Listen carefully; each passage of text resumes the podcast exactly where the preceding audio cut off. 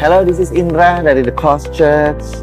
Ini adalah channel podcast kami. Terima kasih udah tune in dengan channel ini, saudara. Kami berharap bahwa setiap message kami dapat membukakan lebih siapa Tuhan, saudara, dan Injil kasih karunia dan apa yang Yesus sudah lakukan di kayu salib kiranya membebaskan kehidupan saudara di dalam nama Yesus. Enjoy the message. God bless you. Kos Indonesia, selamat tahun baru saya ucapkan untuk saudara semua. Saya berharap dan saya berdoa bahwa saudara sehat, saudara terberkati di mana pun saudara berada, saudara.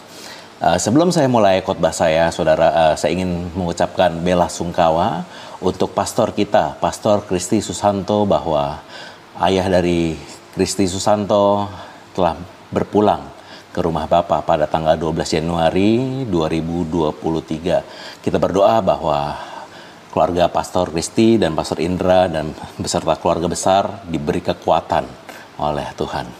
Uh, dan juga saya ingin memberikan informasi bahwa sebulan ke depan sebelum sampai tanggal 5 Februari saudara kita masih merayakan atau mengadakan Sunday service masih berupa online karena gereja kita masih direnovasi. Saya sudah tidak sabar bertemu dengan saudara semua di tanggal 5 Februari di The Cows Peak, saudara. Dan saya berharap saudara semua bisa nanti datang, saudara.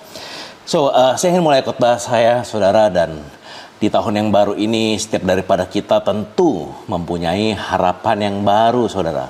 Biasanya di setiap awal tahun, saudara, kita menulis tentang harapan kita. Kita menulis tentang goals kita, saudara setiap tahun, setiap tahun baru kita mau melepas beban yang ada di tahun sebelumnya, saudara. Setiap tahun baru kita tentu ingin menang dari apa yang tahun sebelumnya kita belum menang, saudara. Saya ingin berkhotbah tentang ada suatu keadaan di mana bangsa Israel pada saat itu mereka mengalami tekanan, saudara. Ketika saudara tahun lalu hidup di kekhawatiran, Saudara ingin tahun ini bebas dari kekhawatiran. Ketika tahun yang lalu saudara mungkin mengalami beban di masalah finansial dan saudara pasti berharap bahwa di tahun ini finansial saudara akan membaik saudara.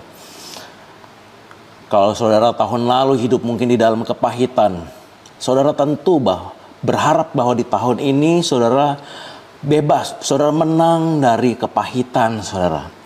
Dan saya ingin berkhotbah tentang di mana ada satu ketika bangsa Israel hidup di dalam sebuah beban yang begitu berat, uh, hidup di dalam sebuah kepahitan yang begitu mendalam, saudara. Saya ingin bacakan di Keluaran 1 ayat 8 sampai 14. Kemudian bangkitlah seorang raja baru memerintah tanah Mesir yang tidak mengenal Yusuf. Berkatalah raja itu kepada rakyatnya, bangsa Israel itu sangat banyak dan lebih besar jumlahnya daripada kita. Marilah kita bertindak dengan bijaksana terhadap mereka, supaya mereka jangan bertambah banyak lagi. Dan jika terjadi peperangan, jangan bersekutu nanti dengan musuh kita dan memerangi kita. Lalu pergi dari negeri ini. Sebab itu pengawas-pengawas roh ditempatkan atas mereka untuk menindas mereka dengan kerja paksa. Mereka harus mendirikan lagi bagi Firaun kota-kota perbekalan, yakni Pitom dan Ramses tetapi makin ditindas, makin pertama banyak dan berkembang mereka. Sehingga orang merasa takut kepada orang Israel itu.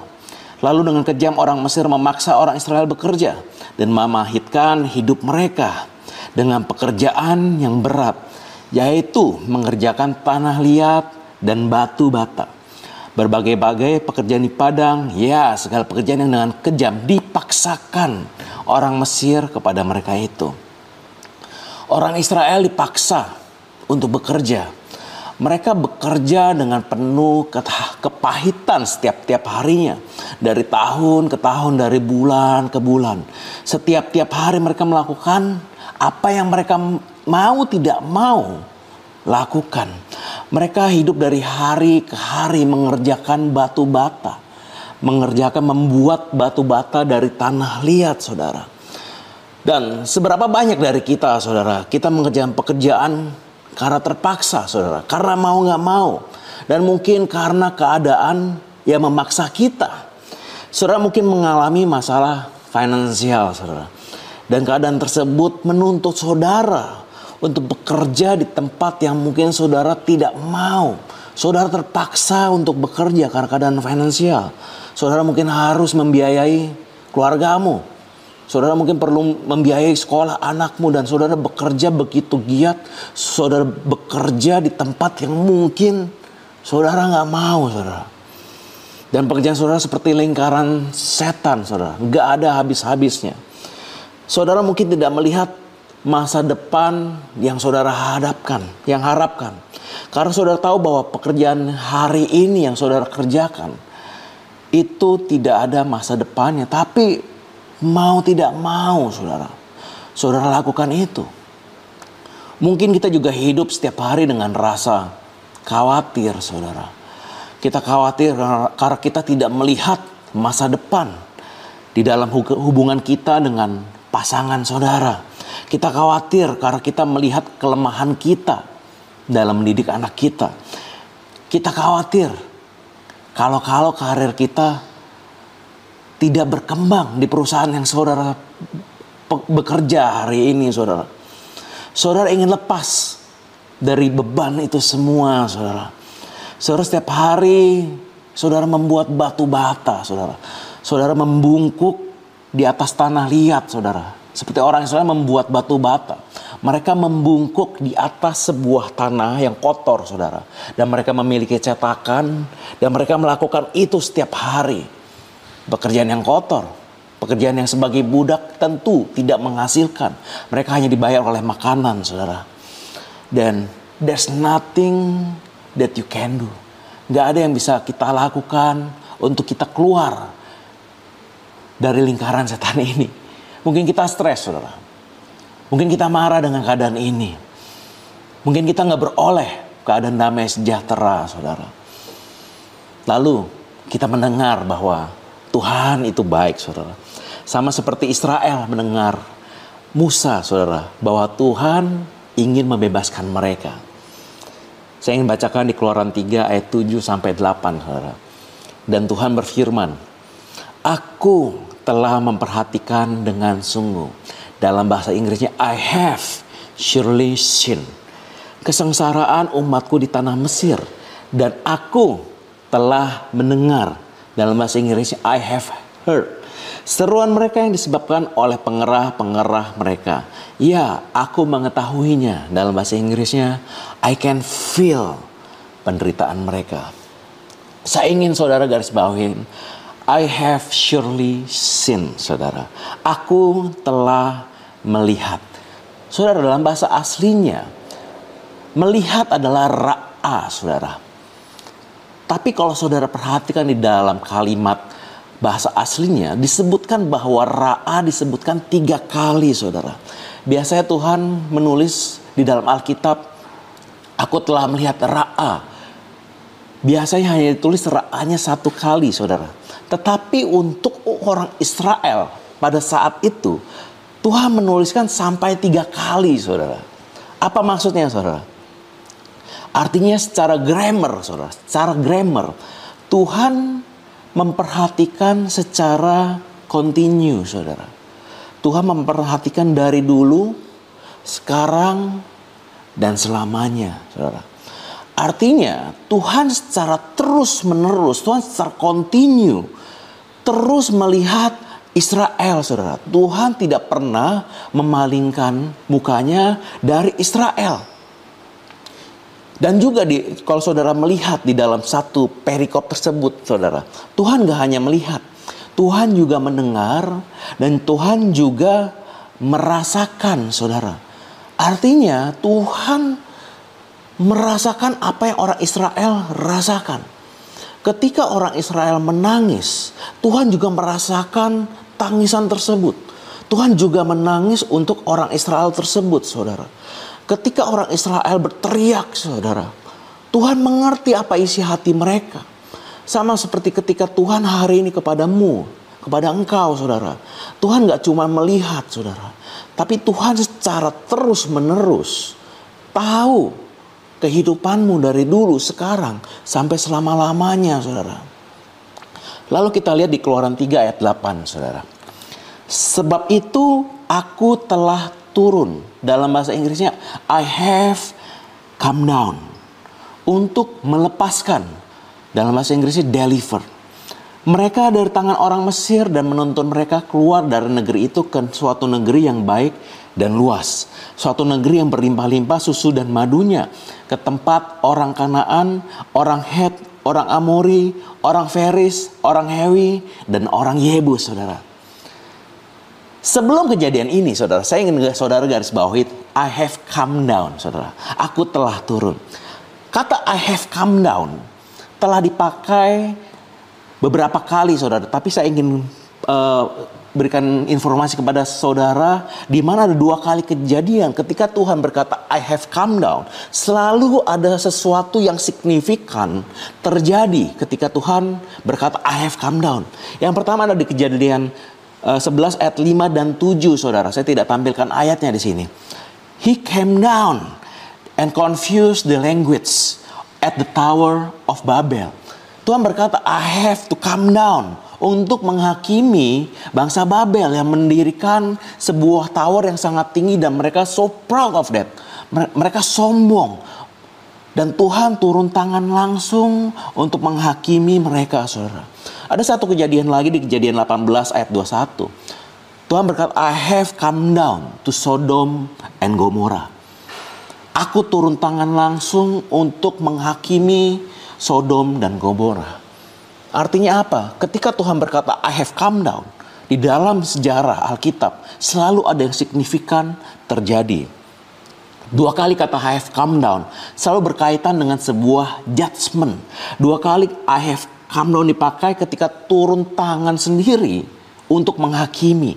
Selalu ada hal yang signifikan ketika Tuhan berkata I have come down saudara. Dua kota besar hancur. Ada sebuah Eh, bahasa pada saat itu dipecah belahkan sehingga muncul banyak bahasa dan mereka bingung. Manusia kebingungan pada saat itu. Menara Babel dihancurkan. Tapi untuk orang Israel, saudara, Tuhan gak datang untuk menghakimi. Dia come down karena dia mendengar tangiran, tangisan orang Israel, saudara. Tuhan turun turun tangan secara langsung untuk melepaskan mereka dari tangan orang Mesir to deliver them from Egypt, saudara. Sama mungkin ketika kita masih balita, saudara. Ketika kita menangis, saudara. Saya sebagai orang tua ketika anak saya menangis, saudara. Saya akan berkata, I have to come down ketika mereka uh, mengutarakan isi hatinya ketika mereka masih balita, mereka menangis karena suatu hal, saudara. I have to come down. Dan ketika saya come down, saudara, mereka tidak akan menangis lagi. Sama seperti Tuhan pada saat itu kepada bangsa Israel. I have to come down. Anakku sedang menangis. I have to come down. Sama seperti Tuhan berkata kepada dirimu, I have to come down ada hal yang signifikan yang Tuhan ingin kerjakan di dalam hidupmu, saudara. Lalu kalau saudara perhatikan di dalam Alkitab, kata deliver, saudara. Kata deliver di dalam perjanjian lama selalu digunakan untuk menggambarkan pertolongan yang dilakukan oleh Tuhan kepada manusia. Saya ingin bacakan di Mazmur 72 ayat 12. Sebab ia akan melepaskan deliver. Orang miskin yang berteriak minta tolong, orang yang tertindas dan orang tidak punya penolong, saudara. Perhatikan lagi ayat ini, saudara. Mazmur 33 ayat 16. Seorang raja tidak akan selamat oleh besarnya kuasa. Seorang pahlawan tidak akan tertolong, deliver oleh besarnya kekuatan, saudara. Artinya apa, saudara? Kalau saudara perhatikan di perjanjian lama, Kata deliver tidak pernah diucapkan oleh manusia ke manusia, tapi selalu diucapkan oleh Tuhan ke manusia. Dan di Mazmur 33 tadi kita belajar bahwa uh, seorang pahlawan tidak akan terdeliver, tidak akan tertolong oleh kekuatannya, saudara. Seorang raja tidak akan selamat oleh kuasanya, saudara. Yang artinya apa? Tidak ada manusia yang bisa deliver kita, saudara. Tidak ada kuasa, tidak ada jabatan di dalam dunia ini yang bisa deliver kita, saudara. Hanya Tuhan yang bisa deliver dirimu.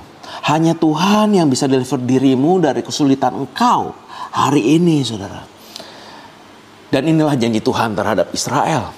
Kamu akan memasuki tanah perjanjian. I have come down to deliver you. Untuk engkau bisa masuk ke tanah perjanjian. Itu janji Tuhan tadi. Dan orang dan orang Israel berpikir, uh, aku nggak akan jadi budak lagi. Uh, aku nggak akan membuat batu bata lagi. Aku nggak akan berlutut di atas tanah liat buat batu untuk membuat batu bata lagi. Uh, aku nggak perlu disiksa lagi, nggak perlu dicambuk lagi. Aku akan makan enak. Itu pikiran orang Israel pada saat itu. Tapi saudara, ada sebuah kejadian lagi berikutnya yang memupuskan harapan itu. Kita ingin baca di Keluaran 5, saudara. Dan ini rada panjang, saya berharap saudara bisa memperhatikan ini, saudara. Keluaran 5 ayat 3 sampai dengan 9. Lalu kata mereka, Allah orang Ibrani telah menemui kami. Izinkanlah kiranya kami pergi padang gurun tiga hari perjalanan jauhnya untuk mempersembahkan korban kepada Tuhan Allah kami supaya jangan nanti mendatangkan kepada kami penyakit sampar atau pedang. Tetapi Raja Mesir berkata kepada mereka, Musa dan Harun, mengapakah kamu bawa-bawa bangsa ini melalaikan pekerjaannya? Pergilah melakukan pekerjaanmu. Lagi kata Firaun, lihat sekarang telah terlalu banyak bangsamu di negeri ini. Masakan kamu hendak menghentikan mereka dari kerja paksanya? Pada hari itu juga Fir'aun memerintah kepada pengerah-pengerah bangsa itu dan kepada mandur-mandur mereka sendiri. Tidak boleh lagi kamu memberikan jerami kepada bangsa itu untuk membuat batu bata. Seperti sampai sekarang. Biarlah mereka sendiri yang pergi mengumpulkan jerami. Tetapi jumlah batu bata yang harus dibuat mereka sampai sekarang, bebankanlah itu juga kepada mereka dan jangan menguranginya. Karena mereka pemalas.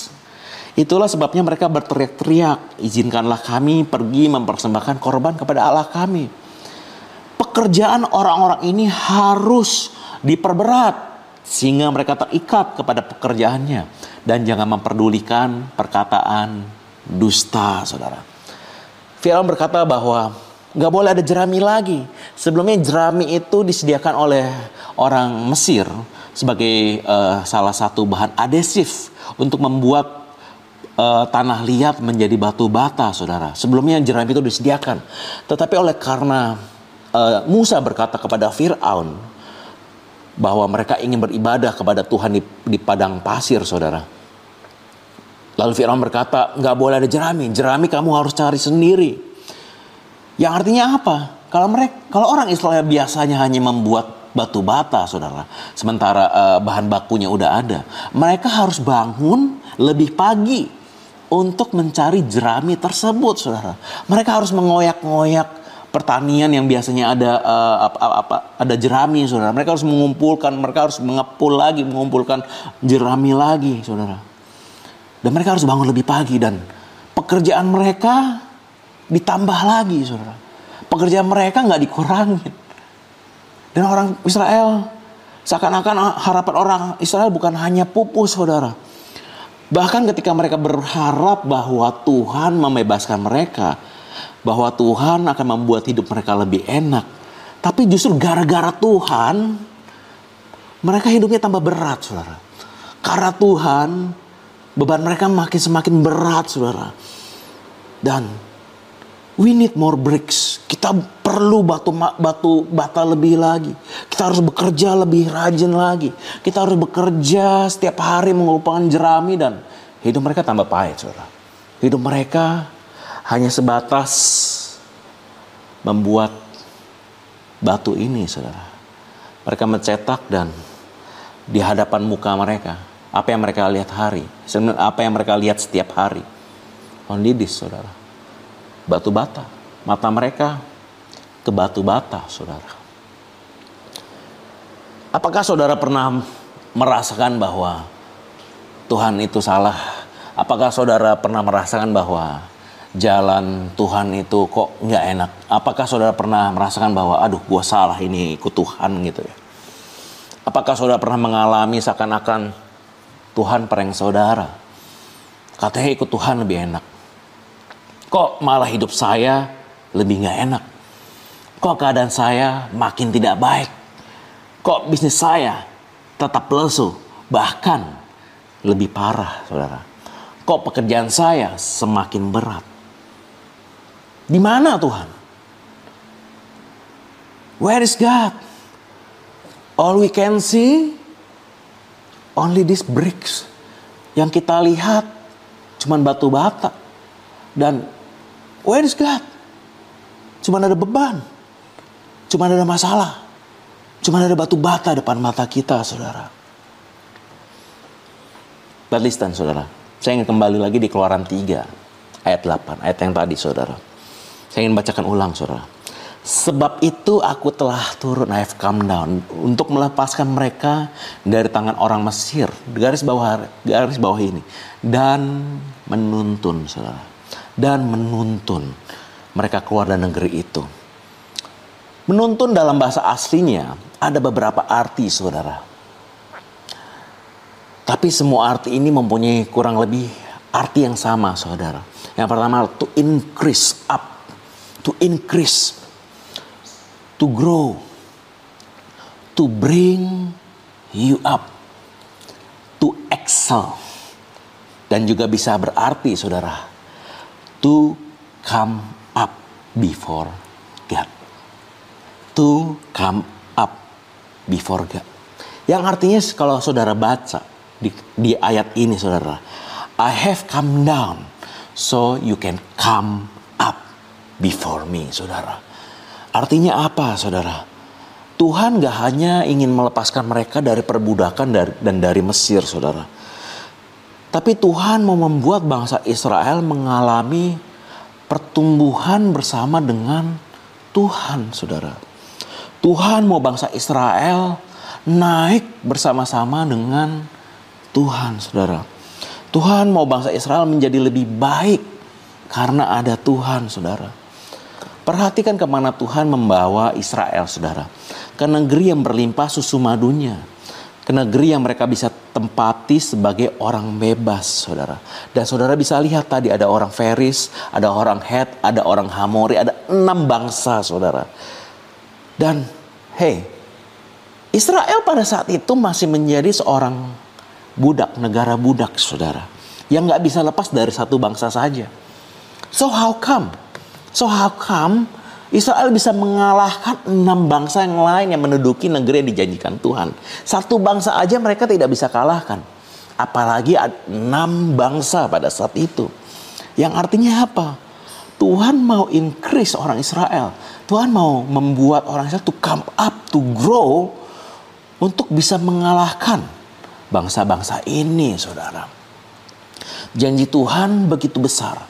Janji Tuhan begitu indah, saudara. Dan orang Israel belum bisa melihat janji itu, saudara. Kenapa? Mata mereka tertutup, saudara, oleh bata. Ketika hari ini saya tempatkan bata ini di atas mata saya, saudara, saya tidak bisa melihat kamera ini, saudara. Saya tidak bisa melihat orang-orang sekeliling saya. Semua itu tertutup oleh bata. Semua itu tertutup oleh jerami, saudara. Dan Mata Israel pada saat itu mereka tidak tertuju kepada Tuhan. Tapi mereka menempatkan kekhawatiran mereka. Mereka menempatkan beban mereka, saudara. Di mata mereka, saudara. Mereka nggak, mereka nggak membuat mata mereka tertuju kepada Tuhan, saudara. Dan Tuhan mengerti, saudara. Tuhan mengerti. That's why dia ingin lepaskan dirimu dari bata. Kenapa? Mata kita tertutup oleh bata, saudara. Dan hari ini ketika oleh sesuatu yang kecil, saudara. Bata ini kecil, saudara. Dibandingkan dengan janji Tuhan yang begitu besar, saudara. Negeri yang jauh lebih besar. Bata ini kecil. Janji Tuhan itu besar. Tapi sayangnya kalau saudara melihat sebuah a pattern dalam bangsa Israel yang apa yang mereka lakukan, saudara.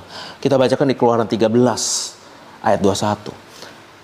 Tuhan berjalan di depan mereka pada siang hari dalam tiang awan untuk menuntun mereka di jalan dan pada waktu malam dalam tiang api untuk menerangi mereka sehingga mereka dapat berjalan siang dan malam. Bangsa Israel berhasil keluar. Singkat cerita mereka keluar dari bangsa Mesir, saudara.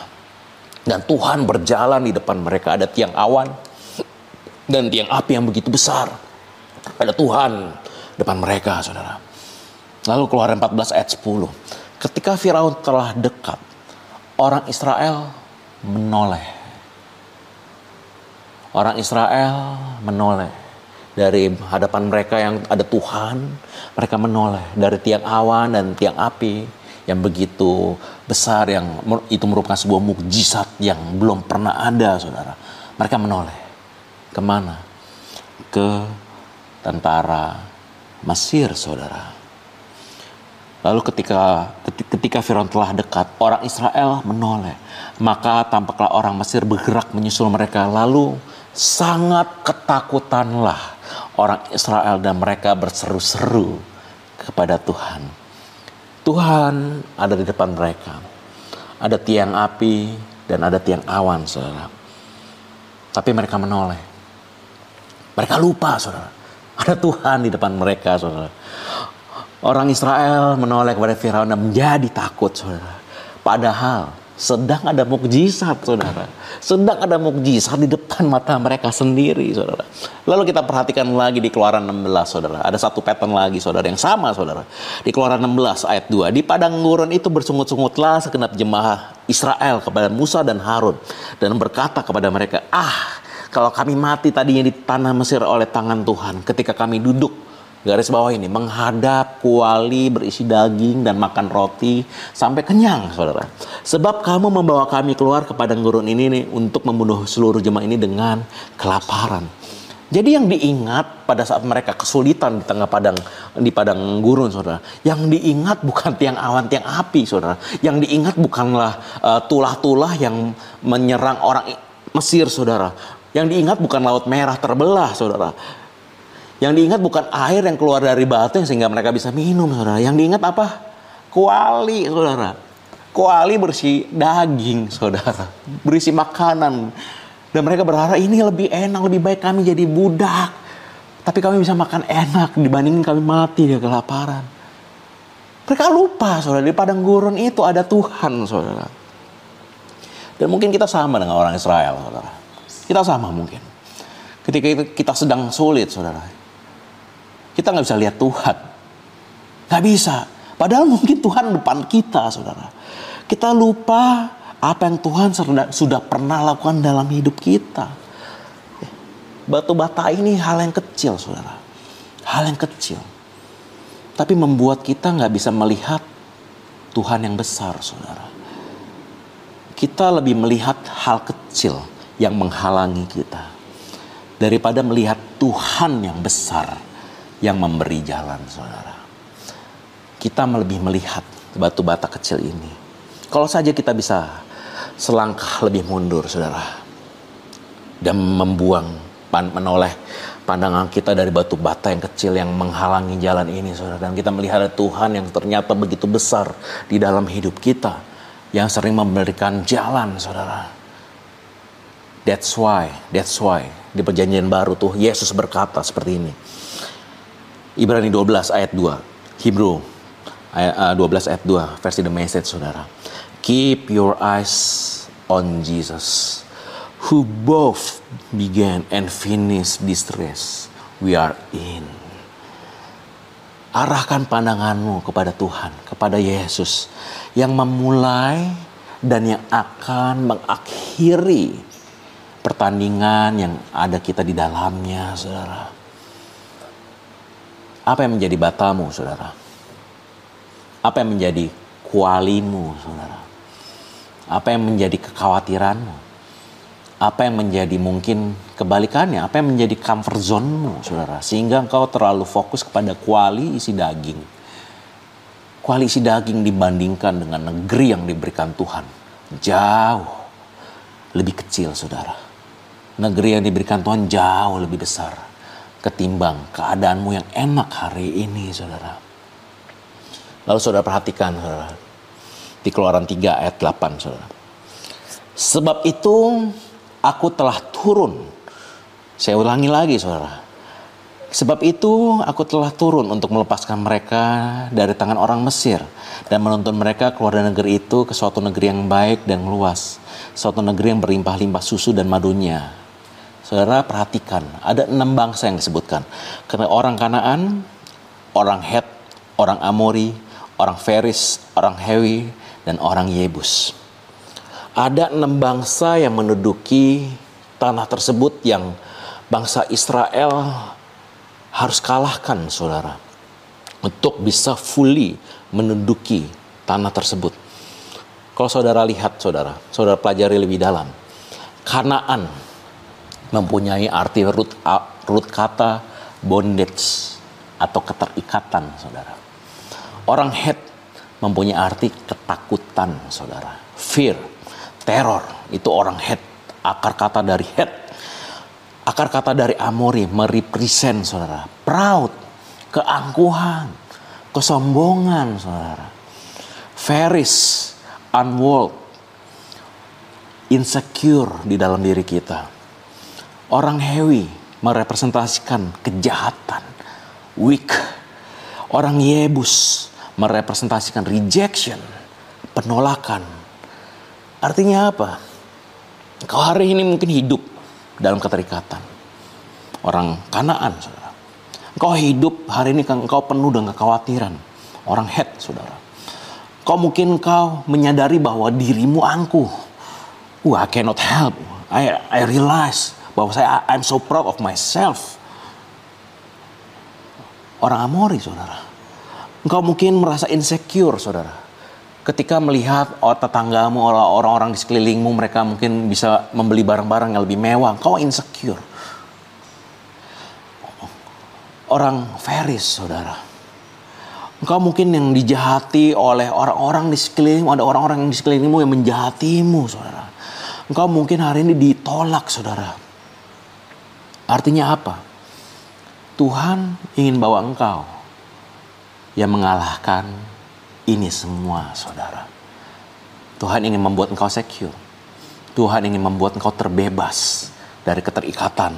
Tuhan ingin menyelamatkan engkau dari orang-orang yang jahat, saudara. Tuhan ingin membuat engkau tidak merasa tertolak lagi, saudara. Karena Tuhan terima engkau apa adanya. Tuhan nggak mau engkau hidup di dalam ketakutan. Sama seperti bangsa Israel yang berhasil mengalahkan bangsa-bangsa ini. Demikian juga Tuhan ingin membuat engkau mengalahkan I'm sorry, bukan engkau yang mengalahkan. Tuhan yang mengalahkan. Sementara engkau di belakang Tuhan. That's why Tuhan berkata di ayat yang tadi. Keep your eyes on Jesus. Who both began and finish. Dia akan finish this race for you. Dia akan kalahkan ketakutanmu. Dia akan kalahkan insecuremu. Dia akan kalahkan enam bangsa ini.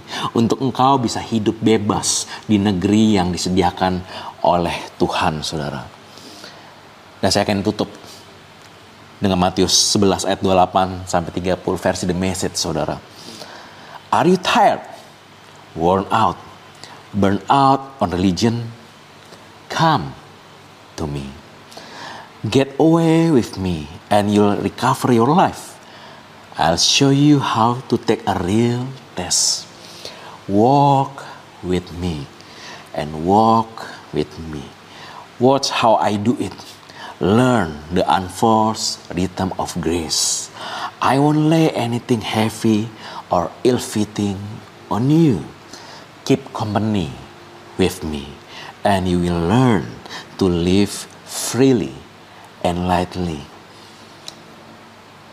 Yang kita butuhkan, saudara, tahun ini, saudara, mungkin bukan tambah hebat, saudara. Mungkin bukan tambah pinter, mungkin bukan tambah kaya. Amin tuh, Dad. Saya percaya Tuhan memberikan itu semua, saudara. Tapi bagi saya, saudara, saya berharap bahwa apa yang kita butuhkan tahun ini, saudara, to see less of the burden and to see more of Jesus. Apa yang saya harapkan dari saudara. Saudara, ada bata di dalam depan matamu. Hei, arahkan pandanganmu bukan kepada bata ini. Karena hal ini, bata ini hanyalah sesuatu yang kecil dibandingkan dengan apa yang Tuhan berikan. So, kau harus mundur selangkah. Dan kau harus menoleh. Bukan kepada bata ini. Tapi kepada Tuhan. Dan saya percaya saudara bahwa tahun ini adalah tahun yang ringan saudara. You will live freely saudara. You will live lightly saudara. Kenapa? Karena ada Tuhan di depan engkau. Sudah ada mukjizat di depan engkau. Ketika saudara berdoa, saudara, remember nih saudara. Ketika saudara berdoa, you pray for help. The, the help is not coming. Why? Because the help is already here. Tuhan gak akan datang, saudara. Kenapa? Karena Tuhan udah datang, saudara, di depan engkau. Dan engkau cukup membuka matamu. Bukan kepada bata, tetapi kepada Tuhan. Saya ingin berdoa untuk saudara semua yang hari ini menyaksikan video ini. Tuhan aku berdoa Tuhan bahwa mukjizatmu terlalu besar Tuhan. Hadiratmu jauh lebih besar Tuhan daripada masalah kami. Dan aku berdoa Tuhan bahwa kami bisa melihat Tuhan apa yang orang kebanyakan tidak bisa lihat. Ketika orang Israel sulit melihat Engkau Tuhan pada saat itu. Ah, Tuhan aku berdoa Tuhan bahwa Engkau bisa memberikan kami kemampuan Tuhan untuk melihatmu di atas badai. Sama seperti ketika Petrus engkau suruh jalan di atas laut. Dia bisa melakukan mukjizat karena ada engkau Tuhan. Karena mata Petrus pada saat itu tertuju kepadamu Tuhan. Dan hari ini aku berdoa Tuhan bahwa tahun ini Tuhan akan menjadi tahun yang ringan, tahun yang berbuah. Karena engkau yang sudah berjalan di depan kami.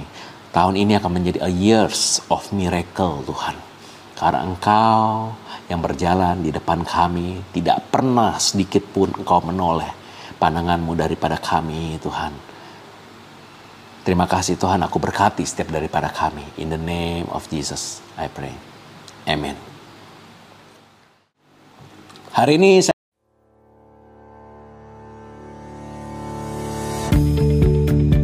Terima kasih lagi sudah mendengarkan episode ini saudara dari podcast ini. Thank you so much saudara.